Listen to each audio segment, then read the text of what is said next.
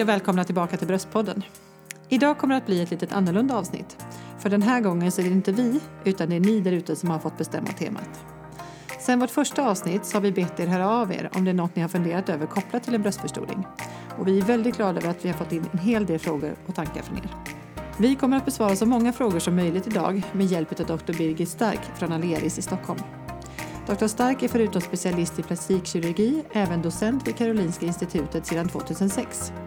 Hon har även en överläkartjänst på deltid vid kliniken för rekonstruktiv plastikkirurgi på Karolinska universitetssjukhuset.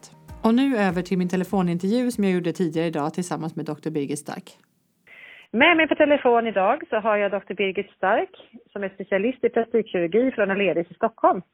Och tillsammans så ska vi försöka besvara så många av era frågor som möjligt. Varmt välkommen till Bröstpodden, Birgit. Tack så mycket. Tack. Vi har ju fått in ett gäng olika frågor från våra lyssnare och eh, jag tänker att jag kör igång med vårt frågebatteri och så hoppas vi att vi tillsammans kan, kan ge så mycket svar som möjligt. Ja, det ska vi göra tillsammans. Jättebra. Eh, en av de frågor vi har fått är hur ska jag tänka om jag både vill göra en förstoring och ett lyft av mina bröst? Det är en väldigt bra fråga och det är många kvinnor som har den här önskan. Men det är ingen enkel sak vi kan lösa. Därför att det, man ska tänka på att det är två operationer som man gör i ett. Och mm. man har oftast redan kanske fått barn eller man har gått ner jättemycket i vikt. Så förutsättningarna kan vara väldigt olika. Mm. Och det är viktigt att tänka att man har rätt tanke. Vad vill jag uppnå med operationen? Är det realistiskt det jag tänker mig? Och det ska man verkligen ha ett samråd med sin plastikkirurg, komma fram. Vad passar mig utifrån mina förutsättningar och tänka att det kanske inte bara vännen som kan råda att det är den och den typen av implantat som kan vara det bästa, utan det kan vara i många fall väldigt olika vad min vän har för förutsättningar eller min granne och vad passar mig egentligen som mm. människa. Mm. Då kommer vi egentligen till åter till mycket det vi har pratat om tidigare i Bröstpodden och det är just det att det är otroligt viktigt med den här konsultationen. Um, Precis. Mm, jättebra. Um, då är det en följdfråga kan man säga på det här då att uh, mina bröst har fortfarande olika höjd efter mitt implantatbyte. Varför har de det? Ja, det är också en svår fråga som man kan kanske inte besvara med en enkel mening. Det kan vara tekniska problem. Det kan vara så att implantaten kanske är inte riktigt passande till min kropp. Det kan mm. vara så att uh, implantatet har glidit lite mer ner på en sida jämfört med den andra sidan. Mycket har att göra med tidsaspekt. Efter vilken tid efter operationen har uh, jag konstaterat att mina bröst är på olika höjder.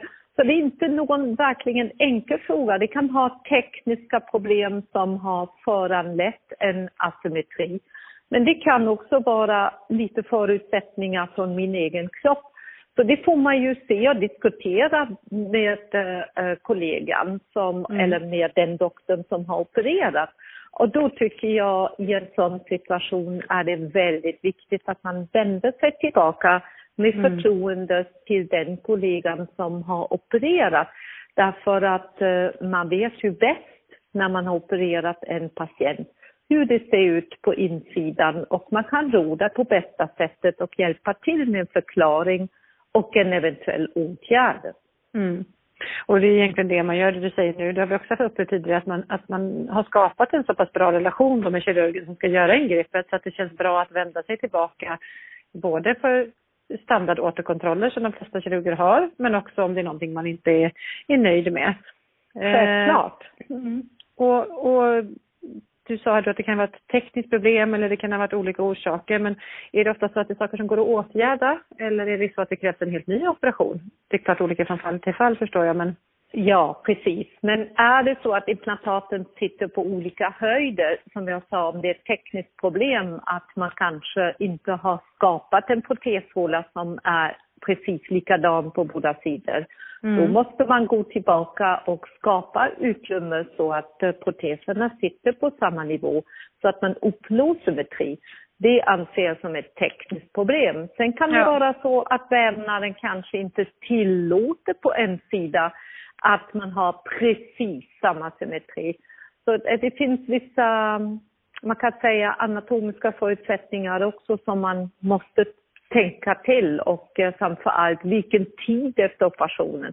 Är det fem år, är det tio år efter en operation eller är det direkt efter operationen? Mm, att man mm. känner lite grann att det finns olika höjder. Mm, mm. Eh, nu du sa det med, med asymmetri, eh, är det så att vi är helt symmetriska i kroppen? För det antar jag att det inte är från början. Mm. Ja, vilken bra fråga. jag kan säga. Det är en perfekt symmetri finns verkligen inte. Och om vi tittar lite i ansiktet så finns det hos väldigt många människor uh, olika ögon, det finns uh, olika symmetrier i uh, okbenet och man kan vara lite mer plan på en sida än på andra sidan. Så är det också med brösten. Mm. Och jag skulle nog vilja säga över 30 procent av alla kvinnor kan ha lite skillnad mellan brösten. Men om den skillnaden är väldigt, väldigt markant, mm. då kan vi hjälpa inom den offentliga vården och då har vi ju uh, riktlinjer när vi kan hjälpa patienterna inom den offentliga vården. Mm. Ja, okej. Okay. Um, jag tänker att vi går vidare på den här frågan som också har fått in från väldigt många håll och det är om det finns någon åldersgräns för bröstförstoring. Ja, och då undrar jag lite grann, menar du åldersgräns uppåt, nedåt? ja, det var intressant. Jag tänkte nog nedåt ja. först, men det kanske finns åt båda håll såklart. ja, det tycker jag också. Eh, och vi tycker lite grann naturligtvis att man måste vara, man måste ha eh, sina beslut verkligen väl genomtänkta. Mm. Och man måste vara mogen att kunna ta till sig uh, information om alla risker och komplikationer. Mm. Och inom uh, den estetiska vården har vi valt att sätta en åldersgräns på 18 år.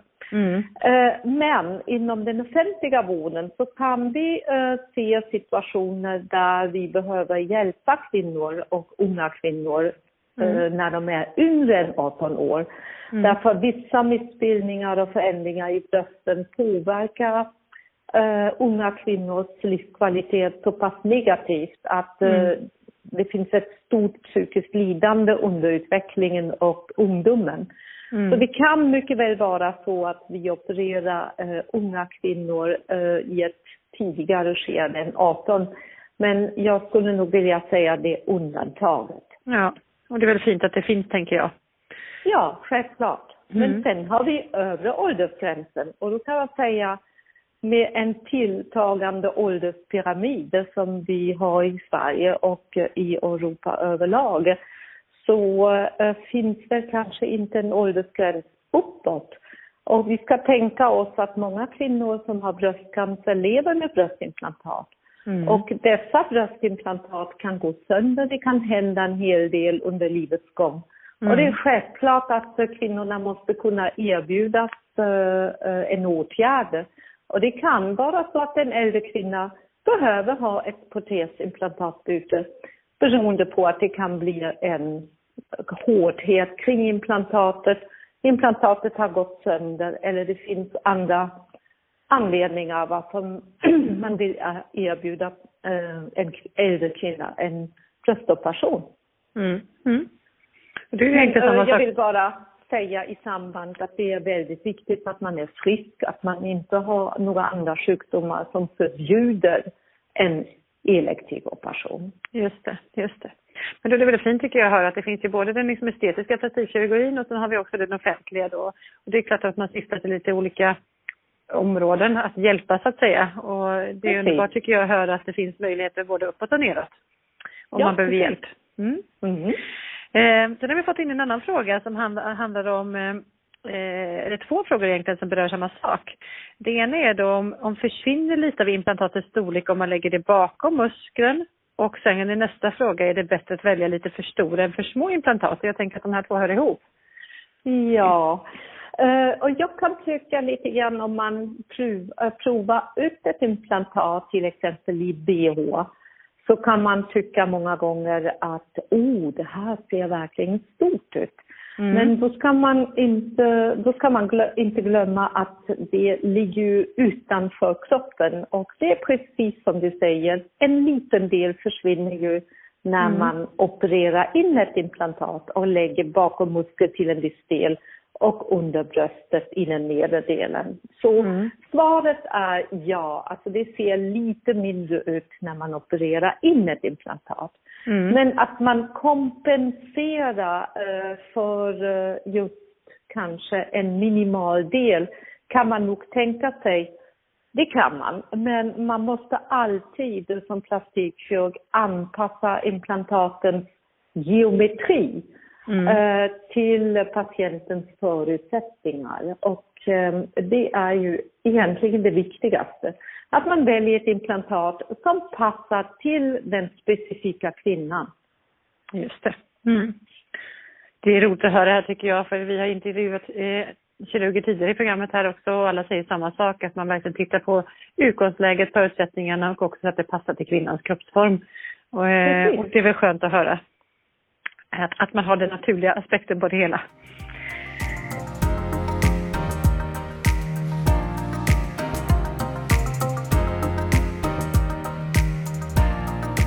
Eh, nu ska vi se här, det var några mer eh, frågor här och det är eh, en fråga som, två frågor igen som hänger ihop. Eh, hur fungerar det med mammografi och bröstimplantat? Eh, har vi mm. fått in. Alltså om man har till exempel genomlidit en bröstcancerbehandling, då mm. har man i många fall valt att eh, rekonstruera bröstet med ett implantat Mm. Och uppföljning av eh, situationen görs med mammografi.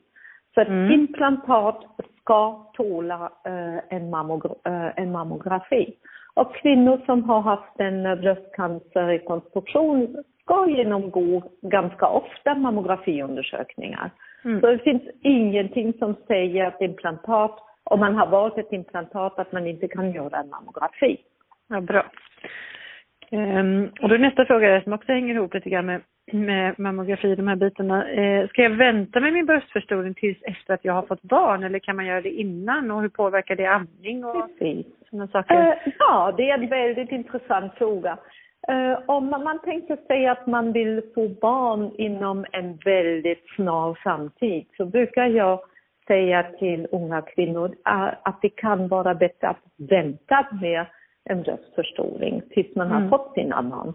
Men är det så i dagens läge att man får barn lite senare i livet och man vet inte alls när det kan bli, det kan bli om fem år, det kan bli, ja, vi vet inte exakt. Mm. Uh, utan man önskar uh, förstora bröstet på ett korrekt och genomtänkt sätt. Då finns ingen anledning att inte göra en bröstförstoring. Mm. Eh, vi vet idag om man väljer ett klokt implantat som passar till patientens förutsättningar finns det ingen anledning att tro att man inte kan amma. Och vi mm. vet också att eh, ett bröstimplantat som är korrekt placerat påverkar inte amningsförmågan och påverkar inte barnet. Det vet mm. vi. Mm. Det var tryggt att höra, tänker jag, för många av våra lyssnare. Ja, precis. Vi har mm. ofta kvinnor som kommer tillbaka när de är gravida och frågar, är det farligt att jag ammar? Hur är det med mina bröstimplantat? Och då kan man verkligen, eh, vi kan verkligen ge dem ett lugnande besked. Mm. Det här kommer inte att påverka, men dina bröst kommer nog tyvärr att bli väldigt mycket större i samband med graviditet. Och hur det påverkas, det får vi ju se sen. Precis, precis. Ja. ja. Och då kommer det en annan fråga som hänger ihop här också, att jag har ett aktivt yrke. Påverkar det mina förutsättningar för en bröstförstoring? Um... Ja, och då undrar jag lite grann uh, hur aktivt menar du? Därför att vi alla är väldigt aktiva idag. Ja, precis. Jag tänker mer att man kanske är aktiv väldigt, eller väldigt aktiv fysiskt. Man kanske är brandman eller man kanske är ja, ja. ja polis eller något där man är väldigt liksom, fysiskt aktiv. Ja, um, när jag tänker lite grann på de här specifika yrken som du nämnde som polis. Eh, mm. Vi har en del uh, människor inom polisyrket som har valt att uh, göra en dödsoperation. Men då måste man veta till exempel i det här specifika, specifika yrket att man inte kan bära skyddsväst direkt. Okej, okay, just ja. det är en viktig sak. Utan att man kanske väljer att anpassa arbetsuppgifterna under, under läkningstiden. Eh, att man inte gör tunga lyft de första tre månaderna därför att det är någonting man ska absolut undvika. Mm. Eh, och så är det egentligen med alla andra yrken. Under mm. läkningstiden, som är ju en tre månaders tid, så mm. får man inte göra bryska armrörelser eller eh, armhävningar eller tunga arbetsuppgifter med armarna framförallt och bröstkorgen. Men efter det, låt säga om man inte är uh, idrottare på elitnivå, mm. då tycker jag inte att uh, en bröstförstoring på ett korrekt sätt uh, anpassat återigen till patientens förutsättningar kommer att störa ens liv eller arbetsliv. Nej, ja men det var väl bra, bra sammanfattning tänker jag. Eh, kan vara bra att veta för alla våra poliskvinnor där ute som funderar på detta, att just skyddsvästen ja. är kanske en viktig del i Ja, det är en jätteviktig del. Ja, precis. Ja. Um, om man tänker på lite andra frågor då, så funderar jag på det här med just värme och sånt, om vi nu inte är inne på det här hur, mm. Eh, hur det kan påverka. Kommer man kunna sola, basta och befinna sig på ja. varmare breddgrader som man har gjort tidigare eller är det skillnader där? Precis. Alltså jag tror inte att man behöver vara orolig för värme. Det är många kvinnor i varma länder som genomgår en röstförstoring utan problem. Men man ska inte gå kanske direkt i bastun och vänta sex veckor med det. Man ska inte utsätta sig för direkt solljus i opererat område i sex månader. Det är allmänna riktlinjer som ja. vi brukar informera våra patienter om. Ja, så det är inget speciellt egentligen för just bröstoperation? Nej. Nej. Eh, om vi går in på det här med just implantaten då, eh, så har vi tidigare pratat om hållbarhet, hur länge ett implantat håller. Så finns det, jag har förstått att det, finns, det är väldigt olika hur länge ett implantat håller, men eh, mm hur många gånger i ett liv kan man räkna med att man behöver byta ut sina implantat om man gör ja, ett ingrepp när man är eh, mellan 30 och 40 kanske? Precis. Eh, dels informerar vi alla våra kvinnor som funderar över en bröstförstoring om att eh, någon gång i livet bör man vara medveten om att vi måste byta implantatet. Mm. Och det kan vara en förslitning av material, det kan vara andra anledningar. Um, hur länge det varar kan vara väldigt individuellt. Det har med livsstil att göra, det har med, med kvalitet av bröstimplantat att göra. Mm. Det finns studier som vi vet uh, internationellt har beräknat en potentiell risk på implantatruptur, alltså att implantatet går sönder. Mm. Att man har kanske prospektiv på 20 år ungefär 12 procent eh, risk att mm. behöva genomgå en ny operation då okay. implantatet har gått sönder. Mm. Men vi har ett nationellt register i Sverige om bröstimplantat som vi har mm. infört sedan år 2014. Mm. Och där tittar vi på alla implantat prospektivt, det vill säga över tid, framöver hur de beter sig i människans kropp. Och mm. eh, vi kan då mycket mer objektivt utvärdera alla olika implantat från olika tillverkare. Eh, och det är en väldigt viktig del. Vi har ju idag över 20 000 implantat som är registrerade och eh, så hoppas vi framöver att vi får en väldigt objektiv eh, överblick över situationen. Mm. Det känns ju också tryggt att veta att man tänker på att man ska göra både val av storlek och implantat och kirurg. Så det är ganska många val att tänka på inför en operation. Verkligen. Mm. Um, finns det någonting du tycker att man ska tänka på då inför ett byte av implantaten eller får du liksom hjälp med det inför, också? Sin... Ja, jag tycker lite grann att man ska verkligen fundera över vad är min motivation? Mm. Varför vill jag byta ett implantat? Okej, okay, mm. om jag får ont eh, eller har fått ont av ett implantat, låt säga, eh, och det behindrar mig i mitt dagliga liv, det är självklart mm. att jag måste fundera över det. Mm. Eller är det så att mitt eh, bröst på ena sidan eller båda sidor, sidor har blivit väldigt hårda? Det är klart att det finns ingen diskussion. Jag måste söka upp min plastikkirurg och fundera vad kan vi göra åt saken. Mm. Men är jag missnöjd över form och volym mm. väldigt tidigt efter operationen, då måste jag ändå fråga mig, är mina förväntningar realistiska? Mm. Jag måste också fundera över det jag kanske vill uppnå, är det möjligt att uppnå i min kropp? Eller ha, förstår du? Eller mm. har jag blivit påverkad av eh, bilder i min omgivning och mm. jag försöker motsvara eller se likadant ut och det är kanske inte möjligt att uppnå. Jag menar, mm. eh, det kan vara en disproportion av mina tankar, hur jag vill se ut och min kropp, så att min kropp inte tål kanske eh, ett så stort implantat som jag skulle önska. Mm. Så att eh, jag skulle önska också att man eh, lyssnar på våra kollegor som har eh, oftast en livslång erfarenhet av implantat och kanske acceptera vissa gränser som vi försöker sätta. Mm. Så att man vill ju inte utsätta kvinnor för återkommande operationer därför att det finns en mismatch mellan implantatens struktur, form, anatomi och kroppen där det är insatt. Mm. Så det är en väldigt viktig sak. Mm. Um, att förväntningen måste vara rätt och vi som plastikkirurger, vi måste göra en professionell bedömning och säga tyvärr kan vi inte nå det resultatet du efterfrågar. Just det. Och det kan vara väldigt viktigt eh, att man vid mottagningen tar med sig bilder av bröst som man tycker är fina mm. och att man önskar att uh, man skulle kanske uppnå ett liknande resultat. Mm. Då kan vi direkt se det här är omöjligt, orealistiskt att uppnå. Just det. Eller kanske det är fullt möjligt. Och mm. det är en helt annan sak. Så mm. förväntningar och eh, eh, ett för, en förståelse och acceptans av den egna kroppen är, tror jag, är en viktig del. Mm. Ja, jag förstår det. Det är många aspekter som spelar in.